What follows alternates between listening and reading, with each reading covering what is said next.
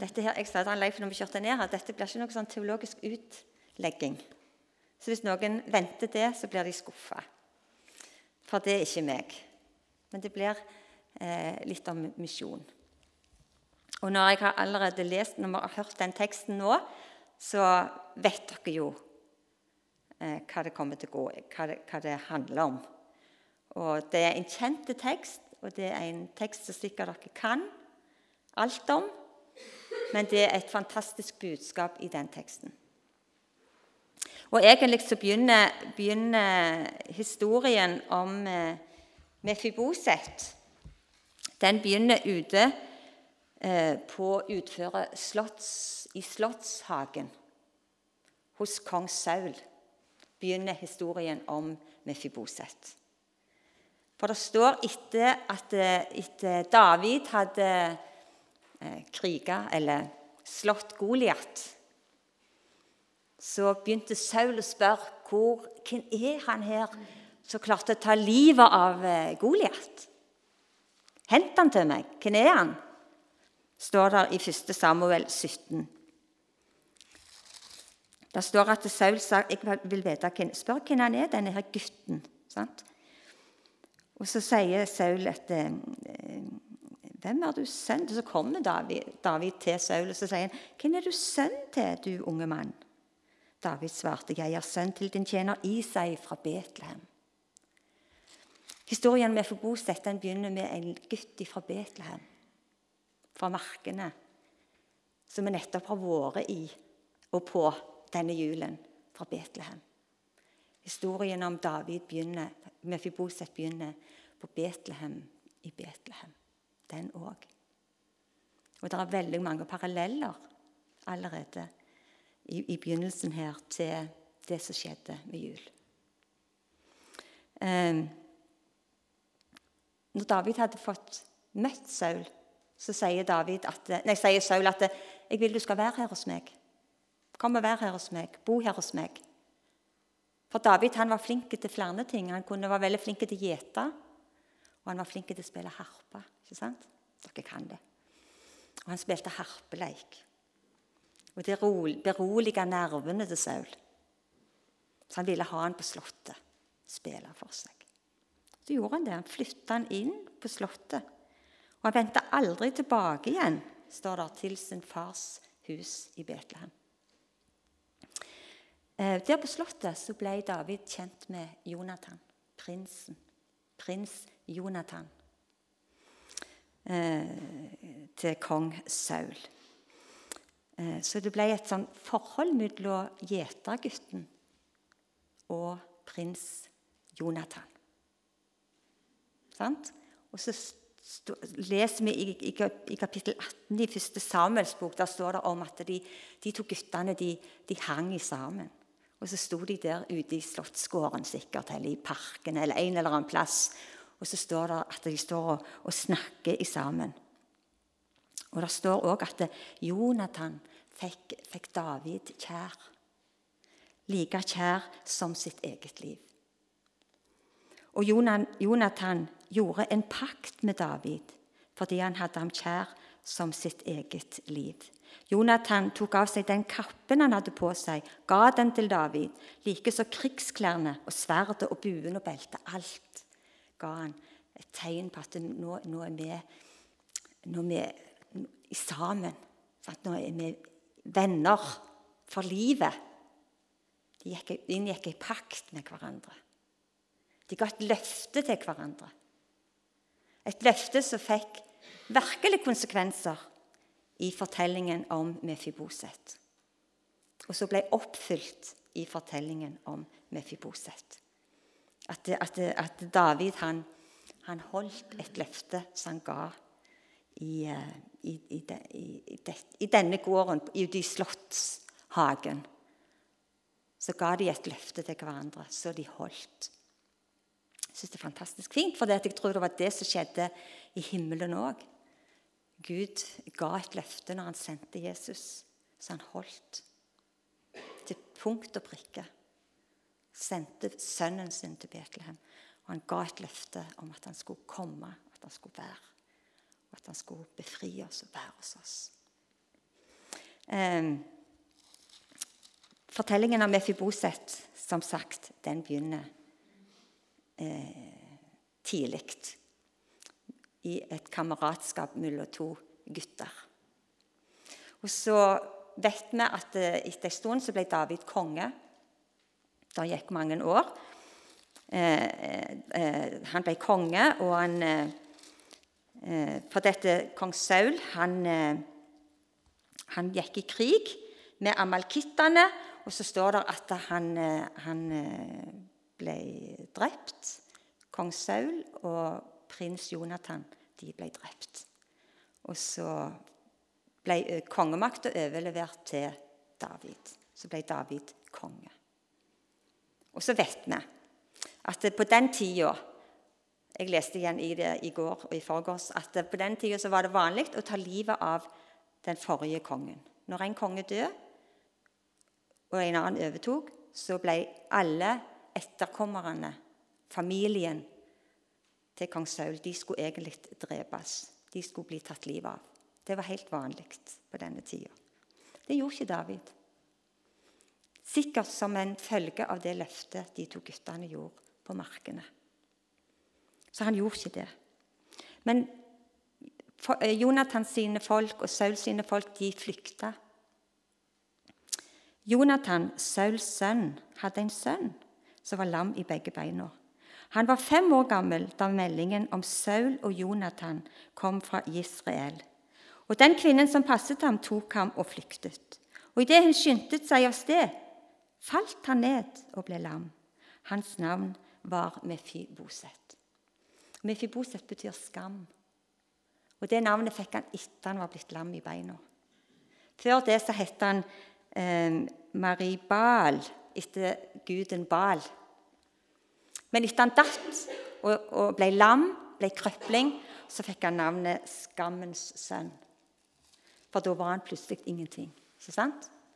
Han var krøpling, han eh, dugde ikke til noe, han var ingenting. Derfor så fikk han nytt navn. Skammens sønn. David overtok makta. Han var en god konge. Det ble ro i landet, og det så bra ut. Vi vet historien til David er veldig sammensatt. Det var ikke bare bra alt David gjorde, men, men det var bra etter en stund. Og så sier David det som vi leste i dag. Han satt og så sikkert og tenkte tilbake gjerne på tida han hadde hatt, og alt som hadde skjedd. og Kom sikkert på kameraten Jonathan. Og så sier han, 'Er det noen igjen i Saul sitt hus som jeg kan være god mot?'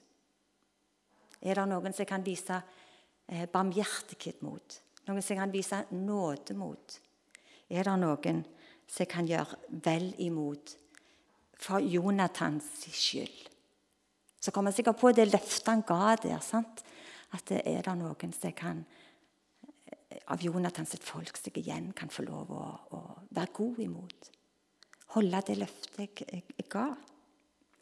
Og Så kaller han på Siba, tjeneren sin, og så sier han at det, han tjener, ja, der er jo det er jo en da, der er jo noen Vi har undersøkt litt, og så sier Siba der er en sønn av Jonathan, en som er lam i begge beina. Sant? Konge, der er en, men han er ingen trussel for deg. Sant?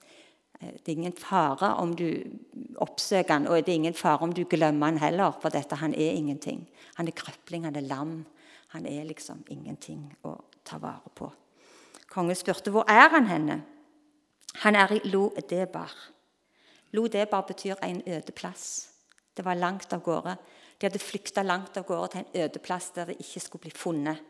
Der er han. Der på den øde plassen. Han, han Mefiboset, skammens sønn. Så sier kongen til han, 'Ja, men uh, hent han. Hent han til meg. Bring han her til meg. Ta han til slottet.' Og så kjører de ut med vogna fra slottet.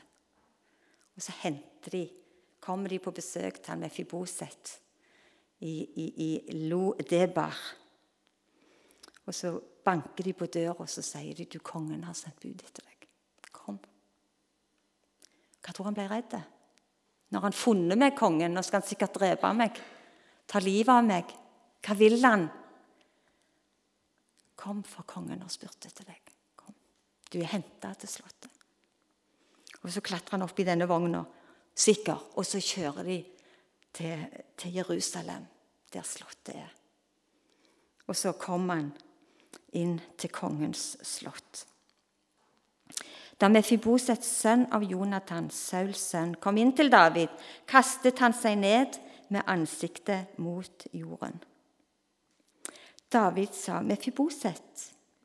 Han svarte, 'Her er din tjener.' David sa til ham, 'Vær ikke redd, vær ikke redd.' Jeg har jo gitt et løfte til far din. Han sa ikke det, men jeg har gitt et løfte, så ikke vær redd. Du har fått nåde, du har funnet nåde. Jeg skal være god imot deg. Du er henta til slottet. Ikke vær redd da. Ikke vær redd med Fiboset. Jeg vil gjøre vel imot deg for din far Jonathans skyld, og jeg gir deg tilbake hele jordeiendommen Saul, din far, eide, og du skal alltid ete ved ditt bord. Han trodde jo han tulla, ikke sant? Det er jo ikke mulig. En krøpling, en lamme, som hadde gjemt seg fordi han var egentlig en trussel for kongetrona. Han var egentlig arveprins med Fiboset òg. Og og så kommer han inn til kongen, og så, og så sier kongen til han at ikke vær redd. Og ikke bare ikke være redd, men du skal få, du skal få all jorda tilbake igjen. Alt det som far din hadde, det skal du få tilbake igjen. Ikke vær redd. Og ikke bare det, men du skal få spise her hos meg. Han trodde jo ikke han hørte rett. Han kastet seg ned igjen og sa, 'Hva er jeg, at du lar ditt øye falle på en død hund som meg?' Så jeg ser de, der han ligger foran kongen, kryper. Og Så retter kongen ut hånden og reiser han opp. Og Så sier han, 'Ikke vær redd'. Alt som har tilhørt Saul, hele hans ett, har jeg gitt tilbake. Det skal du få igjen. Og Det er så nydelig å høre også at han sier at eh, For David gir beskjed til Siba igjen, så sier han du Siba, nå går du og henter eh, ordner alt dette, fikser dette her. Sier at, eh, at han skal få jorda si igjen og, og, alt tilbake igjen. Nå går du og ordner dette. Og så, og så Når han Siba kommer tilbake, så sier han at ja, konge, nå har jeg gjort det alt og, og din Herres sønn har fått tilbake alt. Ikke, ikke krøplingen jeg har gitt tilbake alt nå, sånn at krøplingen får dette her. Men han kaller han for sønn. Det syns jeg er så fantastisk. Ikke krøpling lenger, men kongssønn. Du er blitt sønn inn på Slottet.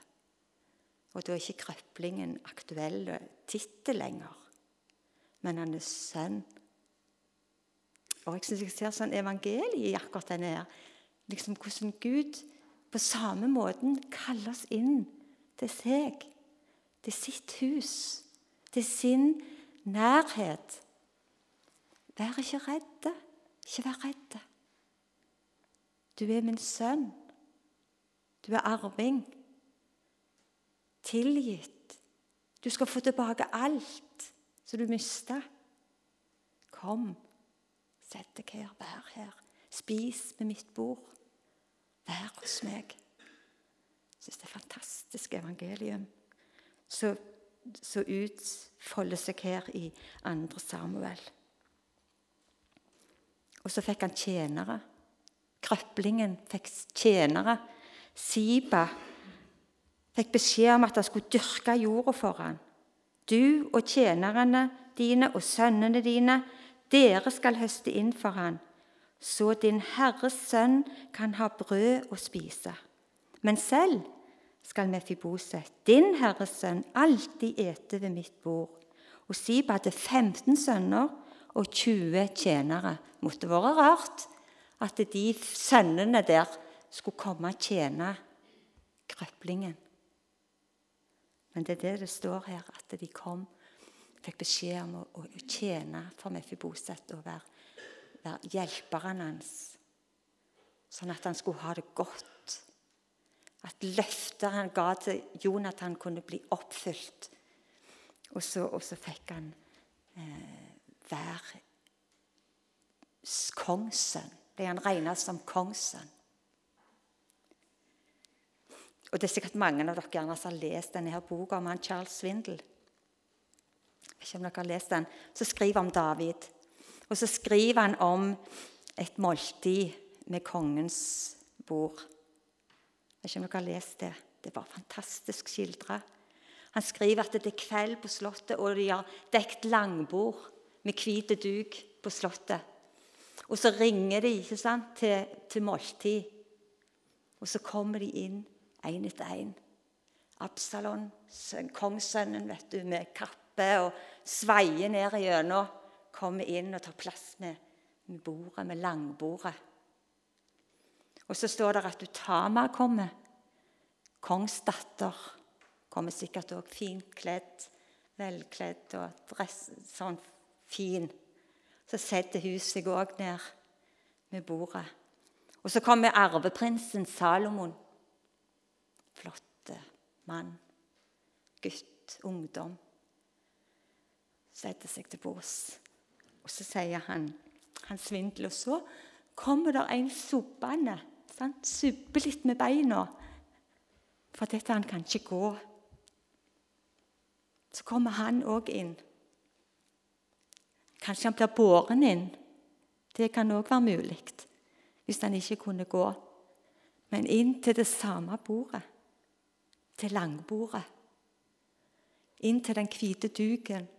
Og så setter han seg til bords sammen med de andre. Kongsfamilien. Og så skriver han svindel så fint, og så sier han at jeg tror den den hvite duken, sant? den, den skjulte beina til Mefiboset. Så ingen så skavankene. Men han satt der inntil til bordet, så ble han dekket av nådens duk. Jeg syns det er et fantastisk bilde. For det er akkurat det som skjer når et menneske møter Jesus. Og får sitte til bords sammen med Jesus. Da blir du òg dekt av denne nådens duken. Fantastisk. Har du vært der? Jesus sier i dag til deg, kom. Kom til Slottet. Kom inn til meg til Slottet. Han henter deg inn. Og så blir du benåda. Han reiser deg opp, og så sier han, 'Vær ikke redd'. Og så ringer han til måltid. Alt er ferdig. Og så sitter vi der, og så, så er vi skjult under hans uendelige, fantastiske nåde. Det er et utrolig budskap. Fantastisk evangelie.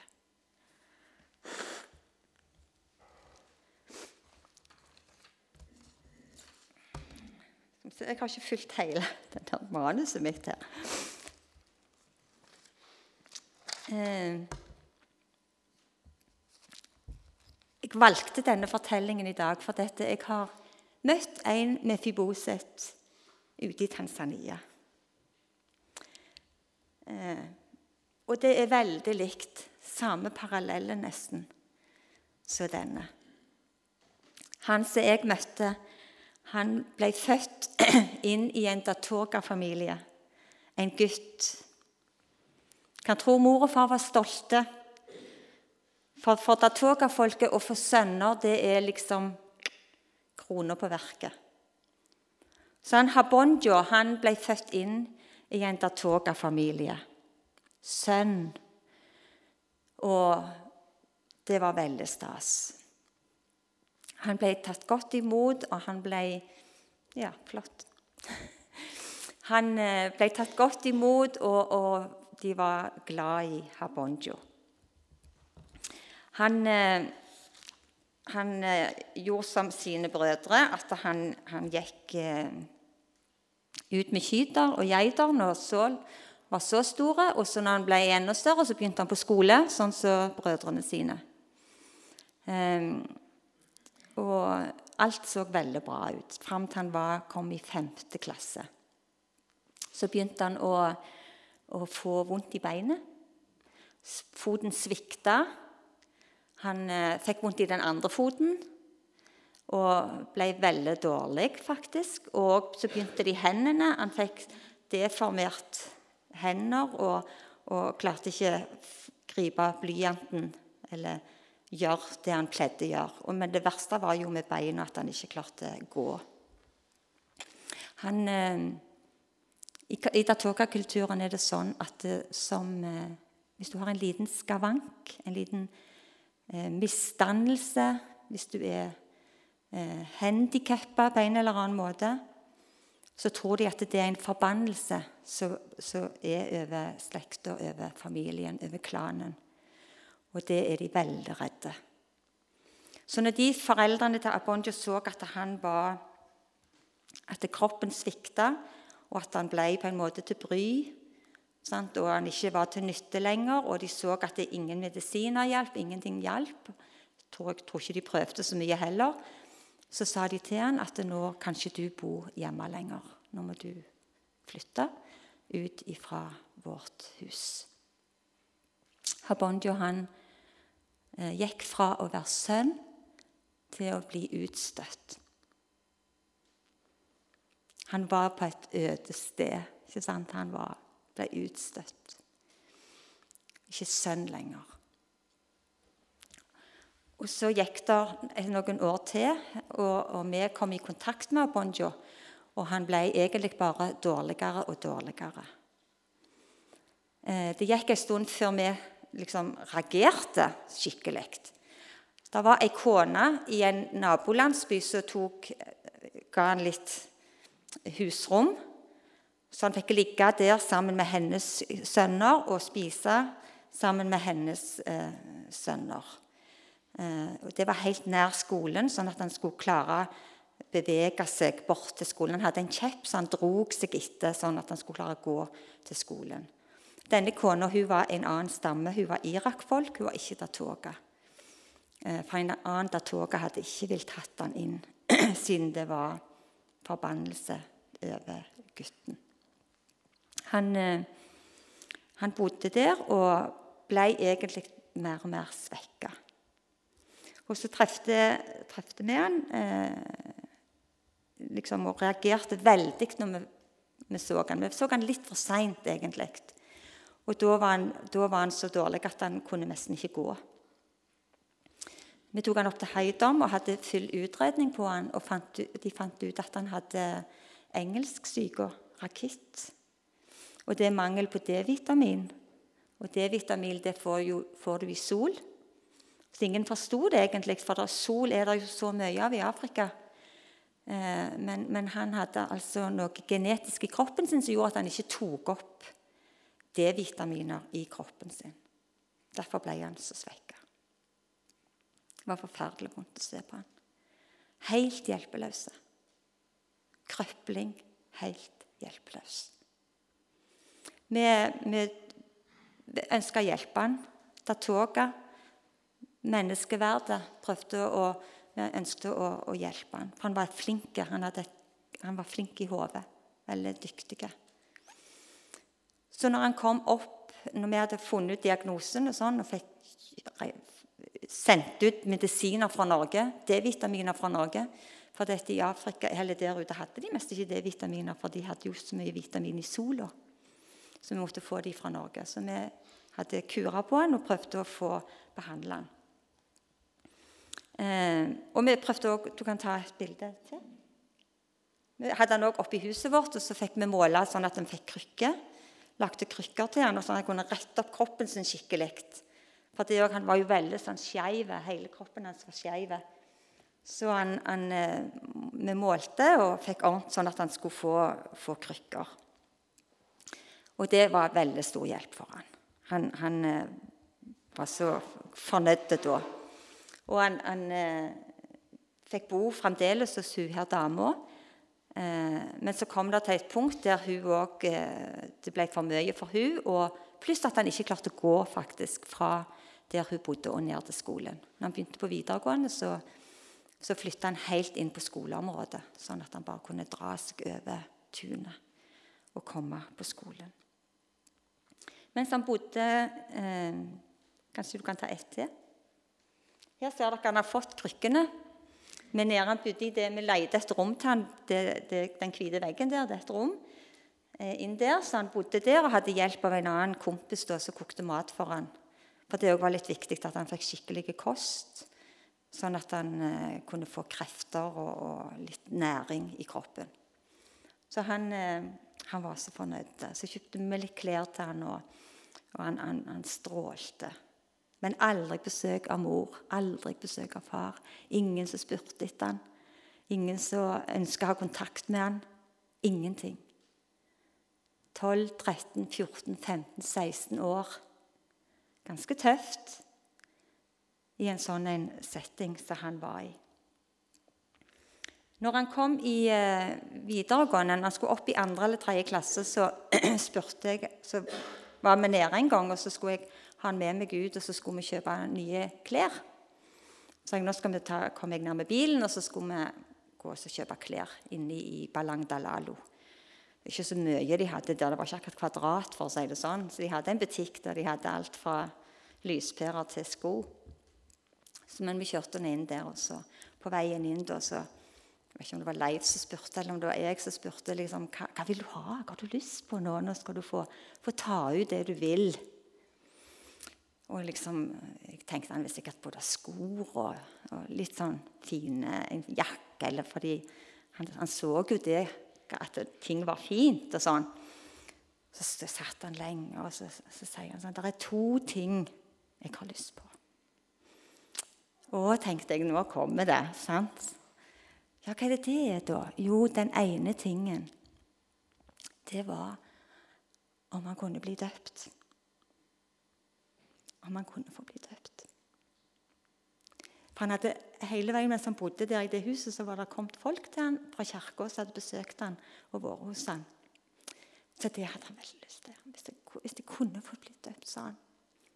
Og den andre tingen da, sier jeg, så prøver jeg holdt på å grine der jeg satt i bilen. og Vi skulle ha det så kjekt å gå på kafé etterpå og drikke te og greier. Ja, Den andre tingen da, ja, nei, det var Tenk, sa han, om mor og far kunne kalt meg sønn igjen. Det var den andre tingen. De to tingene det var viktigere enn både sko og snorer og alt. Hvis jeg bare kan få de to tingene der, sa han, skal jeg bli så glad. Han eh, Vi kunne oppfylle det første. Jeg kan ta et bilde til. Vi kunne oppfylle det første ønsket hans om å bli døpt. Og den 12. i 12., som dere ser, tror det var andre søndag i advent. Eller tredje. Det andre må det være. Så kjørte vi ned til Balangdalalo, og så hadde de dåpsdag i Balangda. Og han, han, Abonjo ble døpt. Og det var en utrolig sterk dag. Eh, dere ser han på det første. Dere ser gjerne litt av krykkene og der på det ene bildet. Hadde han hadde fått nye klær igjen, han hadde fått seg fine dongeridrakt, han hadde fått seg bibel, han hadde fått seg sangbok. Og han strålte. Det var så fantastisk for han. Han hoppet fram der på, på krykka, og så, og så skulle han bli døpt. Kan du ta et bilde der? Her velsigner presten han etterpå etter dåpen. Det gjør de med alle som blir døpt. og tegner korsets merke. Jeg forsaker djevelen og alle hans gjerninger, alt han vesen. Og jeg døper deg i Faderens, i Sønnens og Den hellige ånds navn. Men det som var enda mer fantastisk, syns jeg, det var Etter dåpen så hadde de eh, nattvær og det var utrolig Jeg tror det er en av de største dagene jeg har opplevd eh, ute denne perioden. For da eh, var det nattvær, og vi hadde låg, det var alterring. Og Leif og meg hadde allerede gått opp og lå rundt alterringen. Og så, så kommer han opp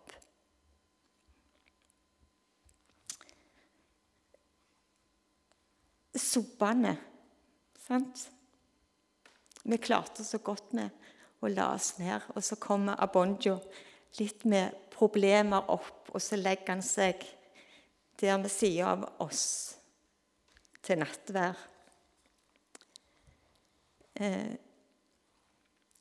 alltid spise med kongens bord. Eh, nåden skjulte alle skavankene. For Mefiboset for mange, mange tusen år siden. Og så skjer det samme igjen i 2010, der en kongssønn kneler og tar imot nåden. Det var et utrolig øyeblikk. Fantastisk øyeblikk. Der vi merket at, eh, at Jesus var i sammen med oss. Eh, fortellingen om Habonjo den har satt spor. Han er fremdeles en flott ungdom. Blir bedre og bedre i beina. Leif var nede i oktober og møtte han, og da gikk han uten krykker. Spiste D-vitaminer og strålte. Å få sitte med Leif i framsetet på bilen, det er lykken over alle lykker. det beste sagt. For han har ingen far, jordisk far, ennå. Det ønsket har han ikke fått oppfylt. Mor hadde sendt ned en, en krukke med surmelk til han en gang. Og den hadde broren gått og solgt, og så hadde han drukket det opp. Så den melka fikk aldri Habonjo fra ei mor som sikkert var glad i han, men pga. frykten og forbannelsen så torde du ikke ha han hjemme hos seg. Så når Leif kommer, så er han alltid veldig eh, en, en, far. ikke sant? Å få være tett inntil en far. Det setter han sånn pris på. Men, men å, å forene han med sin kjødelige far, det har han ikke fått opplevd ennå. Habonjo han leser, er ferdig med videregående, og nå har han begynt på skole i eh, Arusha. Så nå går han på skole der, leser noe social work, et eller annet sosialt. Så han håper at han skal få klare å få seg en jobb og stå på egne bein. Det er det som er målet. Jeg fikk en melding av han i høst, så jeg har skrevet ned. Jeg bare leser den òg. Der skriver han mamma først. Ramata Jone. Jeg ønsker deg velsignelse fra Gud, Han som har skapt himmel og jord. Han som passer på å verne våre liv. Med Jesus på vår side skal vi alltid seire. Adego set», skrev han på slutten. Må Gud velsigne deg, mamma. En flott fortelling, en sann fortelling, på samme måten som Efiposet er en fortelling. Men det er noe mer enn en fortelling. Det er ikke bare en fortelling, det er noe mer enn en fortelling. For det handler om Guds nåde. Guds uendelige nåde som er for alle. I dag, nå, kom, for alt er ferdig. Kom, vær ikke redd. Nådens duk dekker alt. Kom. Kjære himmelske Far, jeg har lyst til å takke deg for dette budskapet. Takke deg for at det er sant. Takke deg for at din nåde, den er uendelig. Og den er sånn at vi ikke forstår helt hva som skjedde. Men takk for at det løftet du ga, det holdt du, og det holder. Nå vil jeg be for Habonjo. Jeg vil be for folket hans, for Datoga-folket. Må du velsigne dem. Må du fjerne frykt, sånn at de slipper å være redde. Må du oppheve eh, forbannelsen så de føler hvile over seg. Takk for at du har for oppheva den, men må de få lov å se den, møte deg, Jesus. Takker vi deg for denne formiddagen. Takker deg for at vi skal få lov å sitte med nådens spor og ta imot evangeliet om deg. Bevar oss hos deg inn i et nytt år. Hjelp oss til å fortelle dette budskapet videre inn i dette nye året. Vi priser ditt gode navn.